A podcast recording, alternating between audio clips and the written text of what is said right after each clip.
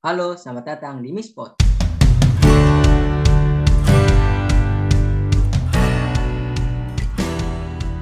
Oke, balik lagi nih sama aku Bagas di episode ke-9.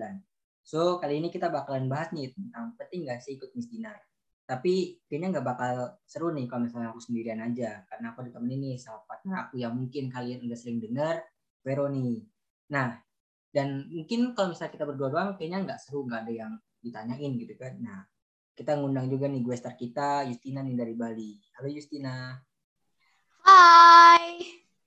Oke, Justina boleh nggak sih kenalin dulu nih nama siapa, terus dari paroki mana, terus kesibukannya ngapain aja sih?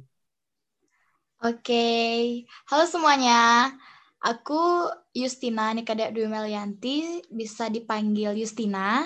Aku dari Paroki Santo Paulus Kulibul, Keuskupan Denpasar. Jadi sekarang kesibukanku itu sekarang kan aku kelas 12 nih ya.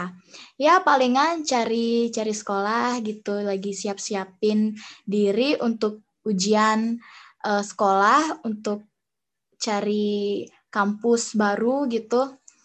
Jadi itu aja sih selama kesibukanku selama ini. Wih deh, berarti kalau misalnya kesibukannya cuma gitu, berarti nggak ada bucin-bucin gitu bucin. Untuk sekarang uh, mau fokus belajar aja dulu sih. Oh fokus apa nggak ada yang nembak nih? Uh, beda tipis ya pak.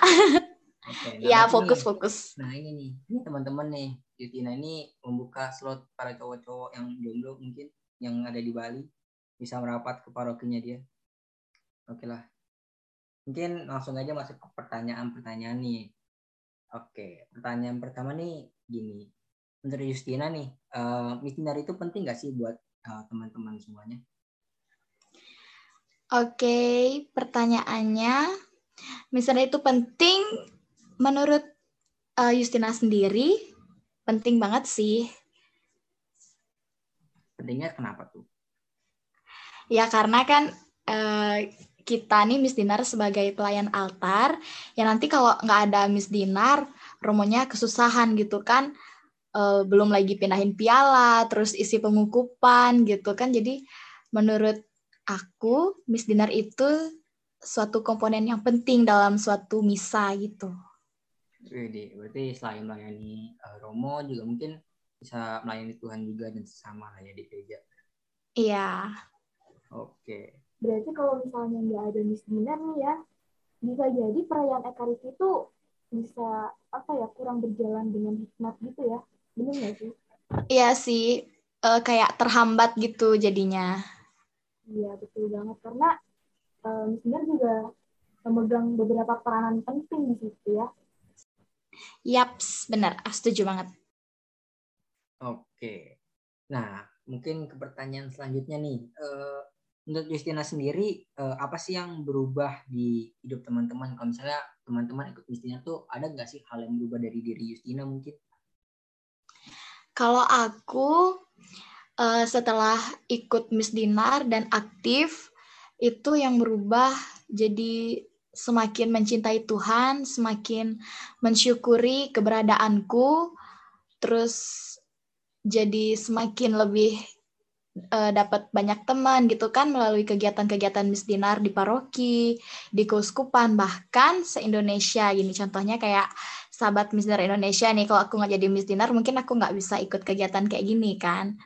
Terus aku jadi lebih tahu, lebih memperhatikan ekaristi gitu. Jadi uh, tahu apa namanya alat-alat liturgi, terus jadi lebih akrab sama umat itu berpengaruh banget sih kalau jadi misdinar itu. Jadi uh, ya banyak bisa dibilang banyak yang berubah jadi semenjak aku ikut misdinar gitu Bagas. Oke. Berarti bisa merubah hidup hampir mungkin 180 derajat lah ya mungkin dari nakal terus jadi anak baik karena kena mitina gitu kan ya iya benar karena kan misdemeanor itu kayak dilihat tuh jadi teladan gitu kan sama teman-teman yang lainnya gitu oke deh nah kalau misalnya dari Justina sendiri milih misdemeanor nih uh, dari segi mananya sih? Mungkin dari untuk pelayanan kepada Tuhan atau ada alasan lain nggak? Sebenarnya aku tuh udah tertarik uh, lihat kakak-kakak Miss Dinar yang tugas di parokiku tuh semenjak aku ikut-ikut kami kan duduk di depan terus mikir ih kapan ya aku bisa jadi kayak mereka? gitu kan pakai jubah gitu terus ngelayanin romo gitu bisa naik altar uh, bukan suka hati sih kayak mereka kan punya privilege gitu loh bisa naik altar. Sedangkan uh, aku yang yang belum jadi misnar tuh kayak aduh aku ntar di altar ngapain? gitu. Jadi terus abis itu karena di paroki juga diwajibkan setelah menerima komuni pertama itu kita ikut latihan pelatihan Miss Dinar. Lalu setelah itu kita dibagi kelompok, terus mulai dari uh, misa harian dulu, lalu baru deh misa-misa hari Minggu. Nah, di situ dah aku mulai tertarik banget dan aku janji aku bakal aktif ikut Miss Dinar dan puji Tuhan sampai sekarang itu aktif. Jadi uh, yang bikin aku apa namanya termotivasi buat ikut missioner itu karena yang satu emang karena diwajibkan tapi kalau dari dalam dalam diri sendiri tuh uh, karena pengen lebih lebih dekat aja gitu sama Tuhan. Pengen uh, lebih mengenal Tuhan gitu. Oke keren keren keren. Uh, jadi motivasinya juga mungkin kalau tadi uh, Istina ngomong kakak-kakak kayak bisa mungkin oh kakak kakaknya bisa naik ke altar ya itu kayak kebanggaan sih sih kalau misalnya di parokiku kan kalau misalnya di SA tuh kayak misalnya tuh ke tengah ya sebelum pandemi. Terus kayak kadang ada aku dari kecil pun kayak mungkin salam damai sama mereka kayak bangga banget gitu. Kayak istilahnya menjadi artis gereja lah. Yang kayak kalau misalnya salam damai itu kayak bangga banget kayak pulang-pulang bilang orang tua itu aku salaman sama Dinar lo gitu. Nah jadinya uh, mungkin bisa menjadi kebanggaan suatu sendiri kalau misalnya kita jadiin bisnis dari diri kita sendiri terus mungkin salaman sama anak kecil tuh menjadi uh, nilai plus sendiri buat kita kayak wah kayaknya oh begini tuh rasanya waktu aku kecil di mata mereka gitu. Ya enggak sih? Iya, kayak gitulah ya. Tapi sayangnya semenjak COVID udah nggak bisa salam-salaman lagi. Padahal itu uh, salah satu part yang dinanti-nanti sih bisa salaman sama umat. Ih siapa-siapa eh siapa tahu ketemu gini ketemu doi kan? Oh berarti ada doi ini di paroki dong. Enggak dulu oh dulu sekarang udah nggak ada. Kalau sekarang jabatan Yusmal ada nggak di paroki itu? Jadi ketua atau gimana? Enggak. Kalau di Miss Dinar di PPA ya kalau di parokiku tuh dibilangnya aku jadi si liturgi gitu. Jadi setiap minggu kalau nggak ada yang tugas itu siap siap nggak siap mau nggak mau harus aku yang gantiin. Terus harus aku yang cariin pengganti. Dan benar-benar kalau emang nggak nemu banget ya aku yang gantiin gitu jadi yang ngontrol seluruh tugas Miss Dinar itu aku dan aku rangkap sih si liturgi sama uh, si kegiatan. Jadi kegiatan yang mau diadain sama Miss Dinar di parokiku itu uh, aku yang koordinir gitu. Jadi selanjutnya kita mau kegiatan apa, kegiatan apa gitu. Uh, aku yang harus inisiatif gitulah. Harus ngerancang ngerancang baru aku bilang ke ketuanya gitu. Oke, aku mau nanya dong uh, selain tadi nge-backup teman-teman dan membuat kayak jadwal kegiatan apa aja sih yang nantinya bakal diikutin gitu. Tugas kamu sebagai sesi liturgi itu selain yang tadi apa aja nih? Ada lagi nggak kira-kira? Uh, kalau selain itu sih nggak ada ya. Jadi si liturgi itu kayak dia yang ngatur-ngatur uh, kelompok setiap kelompok-kelompok Miss Dinar karena kan setiap hari Minggu itu tugasnya itu per kelompok. Jadi terus yang nyari-nyariin pengganti gitu yang kalau hari raya yang bagiin tugas itu juga siliturgi gitu. Dan tentunya bersama pembina. Terus selain itu siliturgi nggak ada sih kegiatannya kalau di luar misa. Berarti uh, untuk tugas tugasnya tuh kayak fokus di situ aja ya? Khusus dua ya fokus di Dinar aja. Oh, berarti Justina itu berarti siap ditelepon kapan aja lah ya? Kalau misalnya nggak ada yang datang tuh mau nggak mau harus jalan uh, Justina itu kan misalnya jam 7 nih Justina terus datang jam setengah tujuh gitu. Harus ke sakristi terus uh, harus cross check nih kurang berapa nih kurang berapa gitu. Kalau udah jam 7 kurang 15 Justina harus cariin pengganti. Kalau emang benar-benar nggak dapet di dalam gereja ya udah Justina sendiri yang uh, harus gantiin gitu. Jadi hari Minggu tuh kayak jarang gitu bisa pakai dress habis itu bisa pakai uh, high heels gitu. Orang gimana ya harus siap pakai sepatu terus takutnya nanti kan nggak ada yang misdinar gitu jadi harus siap gantiin gitu Oh berarti itu udah standby dari pagi ya nggak kayak dari rumah terus ditelepon nggak ada yang tugas nih? Enggak. Enggak gitu ya? Enggak itu dari pagi.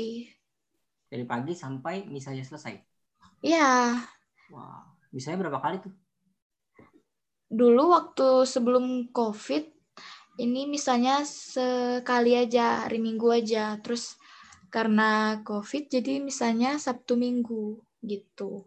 Dan karena uh, gini sih karena Romo Paroki baru juga gitu kan beda-beda ya. Oh iya sih emang kayak kalau dari paroki kan kayak kalau misalnya nggak datang tuh biasa ditelepon tuh kayak rumah yang deket tolong datang dong gitu biasa tuh ada yang standby ternyata dari pagi keren sih kalau bisa dari pagi begitu nggak ngantuk apa itu. Jadi harus siap nggak siap uh, terus tanggung jawab sama apalagi sama misiner-misiner yang baru gitu kan. Nggak tahu ini kak bajunya di mana? Terus ini kalau udah selesai pakai baju baju misinernya itu. Ini taruh di mana sih? Ini aduh pokoknya ya datang pertama pulang paling terakhir. Ya udah biasa sih semuanya untuk Tuhan. Wis keren banget semuanya untuk Tuhan. Aduh tapi sekarang karena uh, live streamingnya jadi uh, apa namanya di kontrolnya tuh Hamin satu. Jadi besok siapa yang mistinar itu difixin Hamin satu gitu.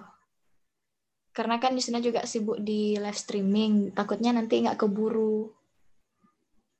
Oh berarti jadi komsos gereja juga ya? Iya puji Tuhan. Wah keren wah, banget jadi juga ya ya lumayan Oke deh, mungkin uh, ada pertanyaan dari Sobat Listener nih. Boleh dong Vero ditanyain? Oke, nah terima kasih nih untuk pertanyaan-pertanyaan yang sudah diajukan dari sahabat Listener. Dan berikut ini akan ada tiga pertanyaan terpilih yang sekiranya juga mewakili pertanyaan-pertanyaan sahabat Listener lainnya. Selanjutnya aku bakal langsung bacain aja untuk pertanyaannya. Ini ada dari Mariana Fania. Misiar itu selain melayani Tuhan, gunanya apa sih? Coba jawab nih. Uh, Miss Dinar selain melayani Tuhan apa ya?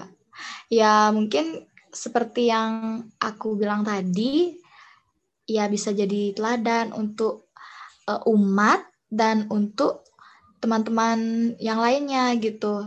Jadi contoh kecil nih ya.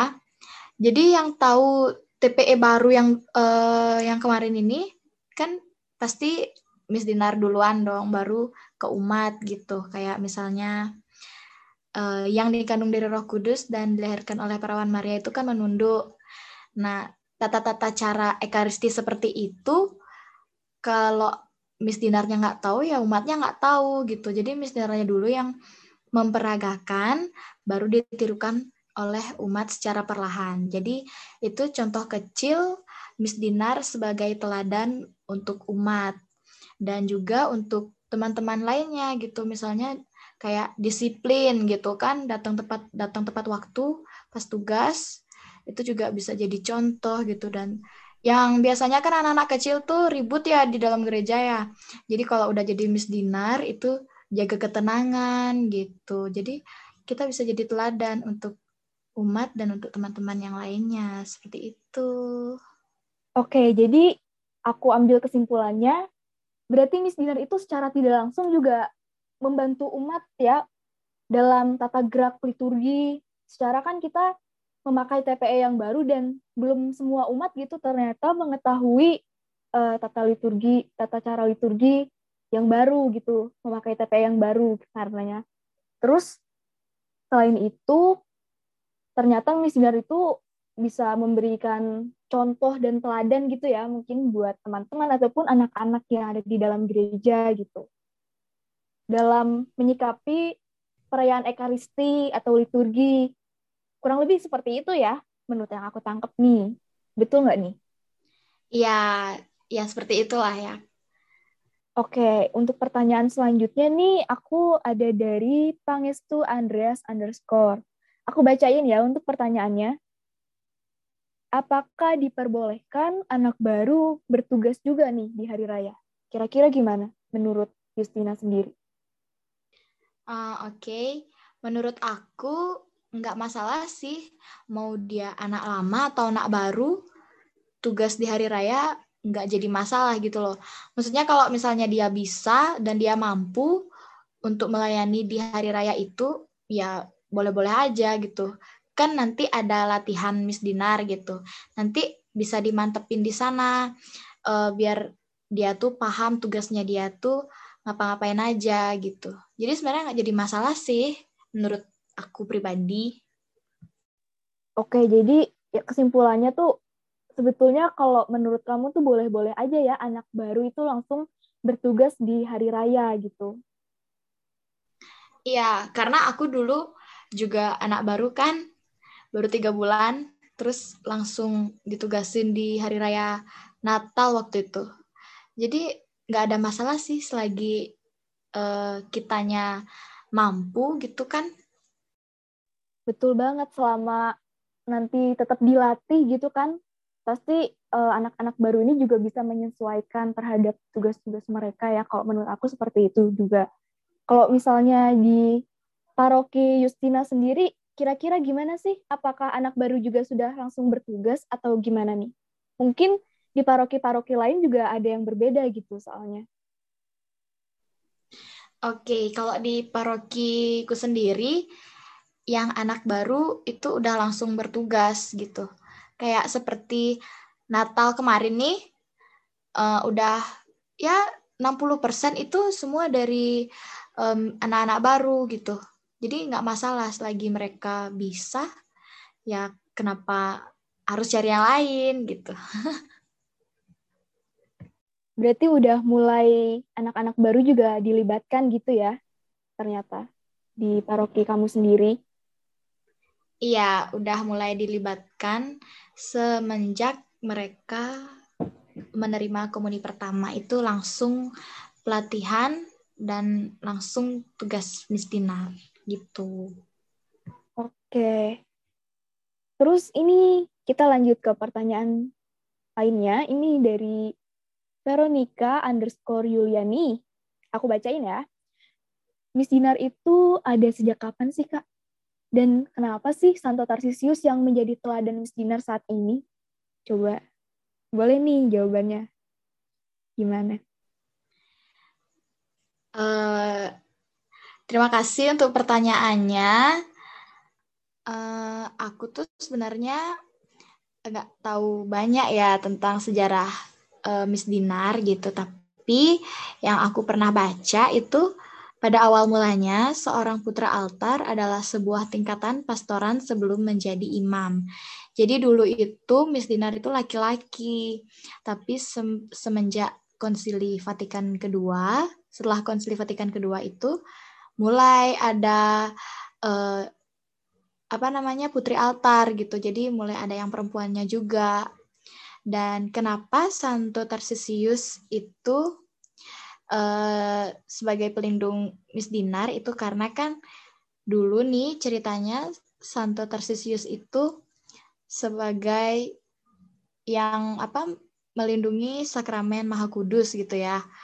Terus nah sama nih seperti kita kita juga melayani Tuhan dan uh, langsung gitu apa ya namanya dengan sakramen. Nah, jadi Santo Tarsius ini juga kan pelindung anak-anak gitu kan. Kita Miss Dinar ini juga kan anak-anak gitu. Setahu setahu Justina ya. Oke, jadi untuk jawabannya ini udah dijawab ya tadi. Miss Dinar itu ada sejak kapan? Ternyata adanya udah dari dulu dan dulu itu bertahap dulu dari laki-laki dulu yang menjadi Miss Dinar karena waktu itu ternyata uh, seseorang yang bertahap menjadi romo ya, seorang Miss Dinar itu. Lalu baru setelah konsili tadi baru adalah Miss Dinar perempuan.